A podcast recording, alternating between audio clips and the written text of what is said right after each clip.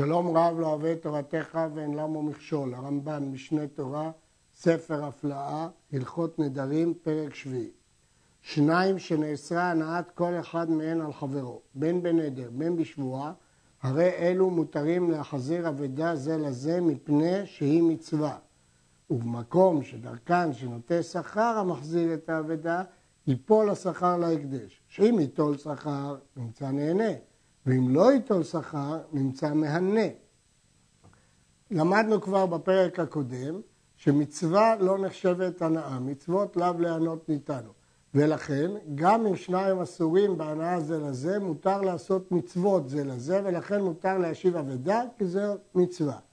אבל אם נהוג ליטול עליה שכר, אז בין אם הוא ייטול ובין אם הוא לא ייטול, הוא מענה אותו. אם הוא ייטול, הוא מענה את עצמו, והרי הוא נדר לא ליהנות מחברו. ואם הוא לא ייטול, הוא מענה את חברו, שהיה צריך לתת וכאן הוא לא נותן.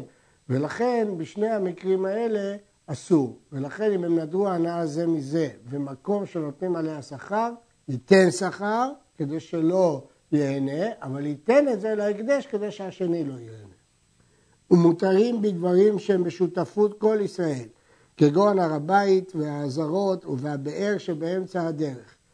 ואסורים בדברים שהן בשותפות כל אנשי העיר, כגון הרחבה שבעיר והמרחץ ובית הכנסת והתיבה והספרים. דברים שנכסים ששייכים לכלל ישראל, שייכים לכל אחד באופן שווה, ולמרות שבכל זאת יש בהם איזה חלק לכל אחד ואחד, השותפות היא מזערית ולא חוששים לה. אפשר גם לומר שעם ישראל רואים אותו כיחידה כללית אחת. אבל אנשי העיר, כל אחד יש בה חלק. כיוון שכל אחד יש בה חלק, הוא ייהנה מהרחבה, הוא נהנה גם ממי שאסור לו ליהנות ממנו, ולכן אסור. וכיצד יעשו כדי שיהיו מותרים בדברים אלו? הרי הם נדרו הנאה זה מזה, אבל הם רוצים להשתמש בשירותים הציבוריים של העיר. כל אחד משניהם כותב חלקו לנשיא או לאחד משאר העם ומזכה לו בחלקו על ידי אחר. ונמצא כל אחד מהם שייכנס למרחץ שהוא לכל אנשי עיר או לבית הכנסת, אינו נכנס לרשות חברו לרשות אחרים, שכל אחד מהם נסתלק מחלקו במקום זה ונתנו במתנה. הפתרון הוא פשוט, שכל אחד משניהם ייתן את החלק שלו או לנשיא או לאדם שלישי, ועל ידי כך, ברגע שהוא נתן את חלקו, אין לו חלק, והשני יכול ליהנות במרחץ או בבית הכנסת.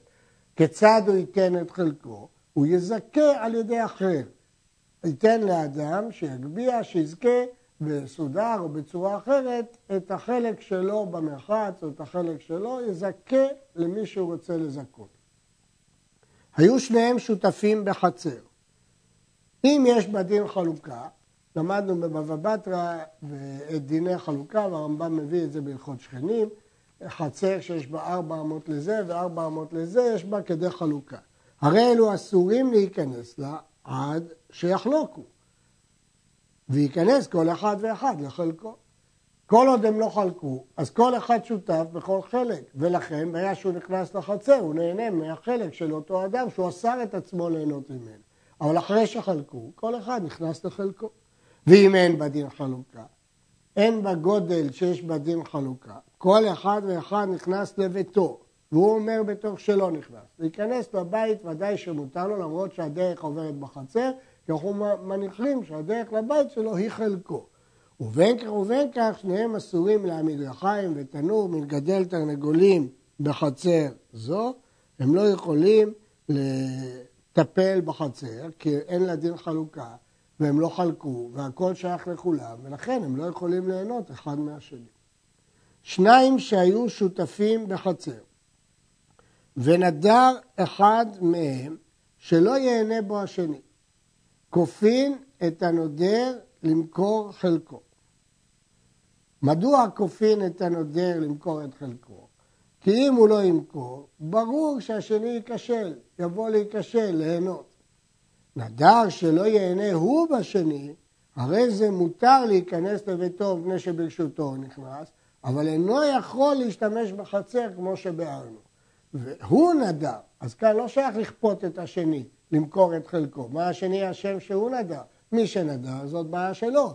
לכן במקרה הראשון שהוא נדר שהשני לא ייהנה, אז הוא גרם לתקלה, כי ברור שהשני יהיה מוכרח להשתמש בחצר, ולכן מכריחים אותו, כופין אותו למכור את חלקו. אבל במקרה שהוא נדר לא ליהנות מהשני, אי אפשר לכפות את השני למכור את חלקו, כי הוא לא נדר כלום. ולכן הנודר הזה יכול לבוא לידי תקלה, וצריך להיזהר מאוד לא להשתמש בחצר. כלומר, רק מי שהוציא את הנדר מפיו, הוא עשה את התקלה וחופין אותו. הכסף משנה אומר הסבר אחר, שכאשר הוא נדר בעצמו, הוא זוכר את נדרו, והוא לא יבוא לידי תקלה. מה שאין כן, כאשר חברו הדיר אותו, אולי הוא לא יזכור את הנדר, זו סברה אחרת. הרעב"ד והר"ן חולקים על הרמב"ם, ואומרים להפך, שכאשר אחד נדר שלא ליהנות משותפו, כופין אותו למכור את חלקו בחצר כדי שלא יבוא לידי איסור. אבל אם אחד מדיר את חברו שלא ייהנה ממנו, לא כופין את החבר למכור את חלקו. שני, היה אחד מן השוק, אסור בהניית אחד משניהם, הרי זה מותר להיכנס לחצר זו, מפני שהוא אומר לו, לתוך של חברך אני נכנס, ואיני נכנס לתוך שלך. כאשר אדם קונה חצר, הוא קונה על דעת שהוא ישתמש בו, וכל האורחים שלו ישתמשו בו. ולכן, אותו אחד מן השוק מותר להיכנס לבית של פלוני, כי ברור שיש לו חלק בחצר שמאפשר לו להיכנס לבית. אז גם השני, אומר הרשב"א, אבל לפי זה, להנאת עצמו של אותו אחד מהשוק, אסור לו להיכנס לחצר. אבל הרמב"ם לא חילק. הרמב"ם אומר, הרי זה מותר להיכנס לחצר זו, שהוא יכול לומר, לתוך של חברך אני נכנס. למה? אם נאמר שהוא בא להיכנס לבית של החבר, זה הגיוני, כמו שהחבר מותר להיכנס לבית שלו, גם לאורחים שלו מותר להיכנס לבית שלו. אבל סתם להשתמש בחצר, יש לשאול מדוע זה מותר. מי שאסר הנעת אומה מן האומות על עצמו, הוא לא רוצה ליהנות מאומה פלונית. הרי זה מותר לקח בהם ביתר ולמכור להם בפחות. מותר לו למכור, לקנות מהם ביוקר, כי על ידי זה הוא לא נהנה, ולמכור להם בזול, כי הוא לא נהנה. אסר הנייתו עליהם, אסר עליהם ליהנות מההנאה שלו. אם שומעים לו שייקח מהם בפחות וימכור ביותר, מותר, כי אז הם לא נהנים ממנו, אבל ודאי שהם לא יסכימו, מה פתאום שהם יסכימו אה, למכור לו בזול. ואין גוזרים כאן שלא ימכור גזירה שמא ייקח. שהרי לא גזר מאיש אחד כדי שנגזור עליו, אלא מאומה כולה. אם אי אפשר לא לישא ייתן עם זה, יישא וייתן עם אחר. כלומר, כאשר הוא גזר מאיש פלוני, אז גוזרים שלא ימכור שמא יקנה. אבל כשהוא גזר עם שלם, לא שייך לגזור, זה לא הגיוני, כיוון ש... בין כך, אה, מה יעזור שנגזור? הוא צריך לסחור איתם. כאשר הוא גזר מאיש פלוני אפשר, כאשר הוא נדר מאיש פלוני אפשר לגזור, ואז הוא יעשה עסקים עם איש אחר. אבל כשהוא גזר את כל האומה, נדר את כל האומה, אי אפשר לגזור. לפיכך, אם אסר הנאתם עליו, מה יעשה? הרי זה משאילן, הוא מלווה אותם. זה הוא לא אסר, אבל לא ישאל מהם ולא ילווה מהם, כי את זה הוא נדר הנאה. אסר הנייתו עליהם והנייתן עליו, לא יישא וייתן עמהם. וכן הם לא יישאו ולא ייתנו עמו, ולא ישאל ולא ישיל להם ולא ילווה מהם ולא ילווה אותם, כי גם הוא אסור ליהנות מהם וגם הם אסורים ליהנות ממנו, לא בגלל גזירה, בגלל שהנדר כולל שהוא לא ייהנה מהם והם לא ייהנו ממנו. אסר על עצמו הניית בני העיר, אסור להישאל על נדרו לחכם מבני אותה עיר. כפי שבאר כבר כסף משנה, זו נחשבת הנאה, שהוא שואל לך את הנדר, מתיר לך את הנדר. ואם נשאל והתיר לו, הרי נדרו מותר, כמו שאמרנו, סוף סוף הוא התיר את הנדר, אז הנדר מותר. כל הבעיה שהוא לא ייהנה, אז לכתחילה לא ייהנה, אבל אם הוא התיר, הנדר מותר. הרדווז מפרש טעם אחר, מפני שהחכם נוגע בדבר.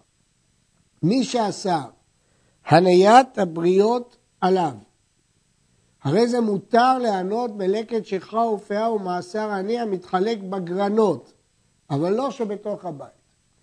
מדוע?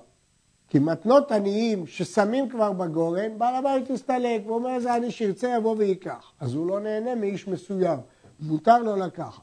אבל אם הוא בא אל הבית שלו והוא נותן לו, הוא נהנה ממנו, כי הוא יכיר לו טובה, איזה טובת הנאה יש לו. אז זה אסור. אבל אם הוא כבר שם את זה בגורן, כל עני יבוא יכול לקחת, גם הוא יכול לקחת. מי שאסר הנייתו על הכהנים ועל הלוויים, הרי אלו באים ונוטלים מתנותיהם על כורחו. ואם אמר כהנים אלו ולוויים אלו, הרי אלו אסורים וייתן תרומותיו ומעשותיו, כהנים ולוויים אחרים. והוא הדין במתנות עניים עם העניים. הוא אסר שכהנים ולוויים ייהנו ממנו. אז נכון שמתנות כהונה ולוויה הם לא שלו, אבל יש לו טובת הנאה, יש לו החלטה למי לתת, ואסור להם ליהנות ממנו. אז לכן, אם הוא אסר כהנים ולוויים או עניים מסוימים, יתלו אחרים שהוא לא אסר אותם. אבל אם הוא אסר על כל הכהנים ועל כל הלוויים, אז יכולים בעל כוחו. מדוע? הגמרא שואלת, ממה נפשך?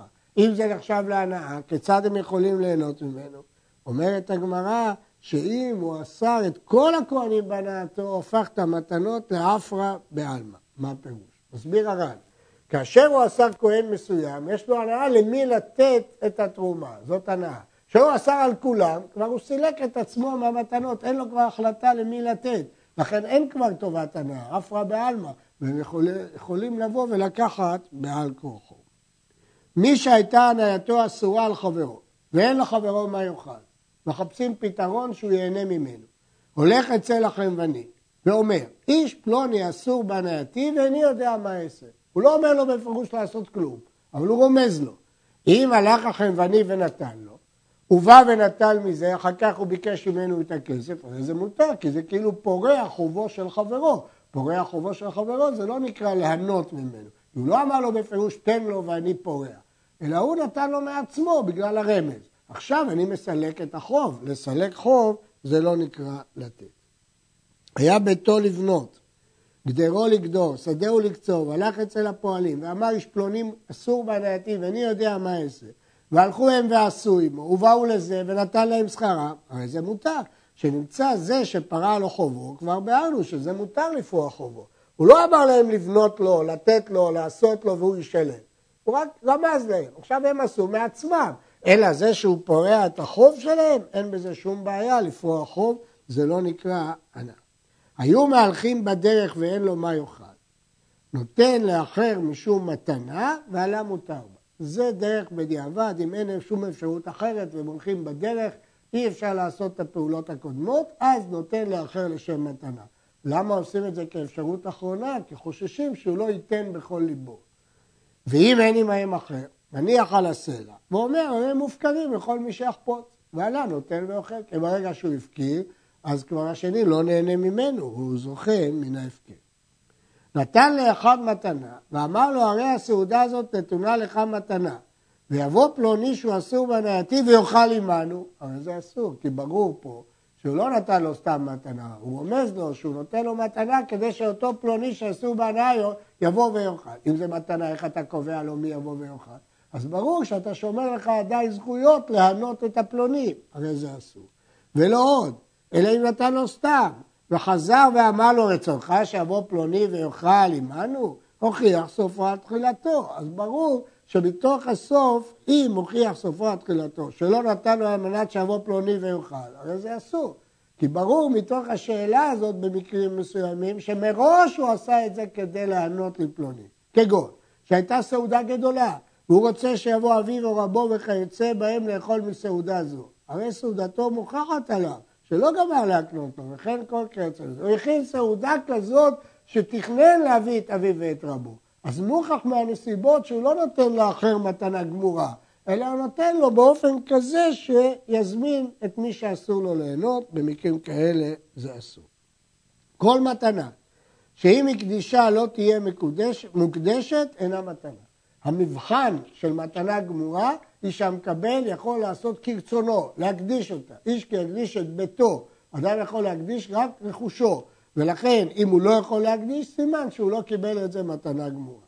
וכל הנותן לזה מתנה על מנת להקנותה לאחר, הרי זה אחר קנה בעת שיקנה לו הראשון. ואם לא יקנה לו הראשון לאותו אחר, לא קנה לא ראשון ולא שני. אם אדם נתן מתנה לאיש הראשון, בתנאי שהוא ייתן את זה לשני. אז הראשון קנה בתנאי שהוא ייתן, אבל אם הוא לא ייתן, אז התנאי לא יתקיים, ואז לא קנה לא השני ולא הראשון. לכאורה, ההלכות האלה הן בהלכות קניין, רגיל, זכייה. ולמה כתב הרמב"ם את ההלכה הזאת כאן? כי הוא נוגע להלכות שלמדנו, שאם הוא לא נותן מתנה גמורה, אלא רק כדי שיבוא מי שאסור הנאה לאכול איתם, אז זה אסור, זה הסיפור המפורסם של בית חורון, שמובא במשנה, שאדם היה אביו מותר הנאה, והוא השיא את בנו, ומאוד רצה שאביו יבוא לסעודה, והוא נתן את החצר והסעודה לשכנו, על מנת שיבוא אבא ויאכל איתם. בסופו של דבר, שכנו הלך והקדיש את זה לשמיים. ואז הוא אמר לו, לא נתתי לך שתקדיש לשמיים, נתתי לך כדי שיבוא אבא ויאכל עמנו בסעודה, אז זאת לא מתנה, כי הוא לא נתן לו על מנת שיקדיש. מי שנאסרה הנהלתו על בעל ביתו, והוא רוצה לתת לביתו מעות כדי שתהיה נהנית מהם, הוא מוציאה אותם בחפציה. הוא לא יכול לתת לבעל, כי הוא אסר את הנהלתו עליו, אבל הוא רוצה לתת לבת, הרי זה נותן לה, אבל אם הוא נותן לה, הרי הבעל יזכה בהם. כמו כל נכסים של האישה שהבעל נפחים נכסי מילוג, והבעל זוכה בפירות, אז בפועל כשהוא נותן לביתו, הוא נותן גם לחתנו את הפירות, אז הוא מהנה אותו, מה יעשה? הרי זה נותן לה ואומר לה, הרי מעות האלו נתונים לך במתנה, בלבד שלא יהיה לבעלך רשות בהם. הוא יכול רק אם הוא ייתן את זה בצורה שלא יהיה לבעלה רשות, אלא יהיו למה שתת לפיך, או למה שתלבשי וכיוצא בהם. ואפילו אמר לה, על מנת שאין לבעליך בהם רשות, אלא מה שתרצי עשי בהם, לא כאן המבעל. ומה שתרצה תעשה בהם. כיוון שהוא אמר בפירוש שהוא נותן על מנת שלא יהיו הפירות לבעל, אז סוף סוף הבעל לא נהנה ממנו. אבל אם נתן לה מתנה, ואמר לה על מנת שאין לבעלך בהם רשות, ולא פירש תהיה המתנה הזאת לכך שתאכל או שתתלבש ולכך, או למה שתרצה תעשה בה, הרי קונעת הבעל לאכול פירותיה. ודבר זה אסור, שאסור בהנהלת חתנו.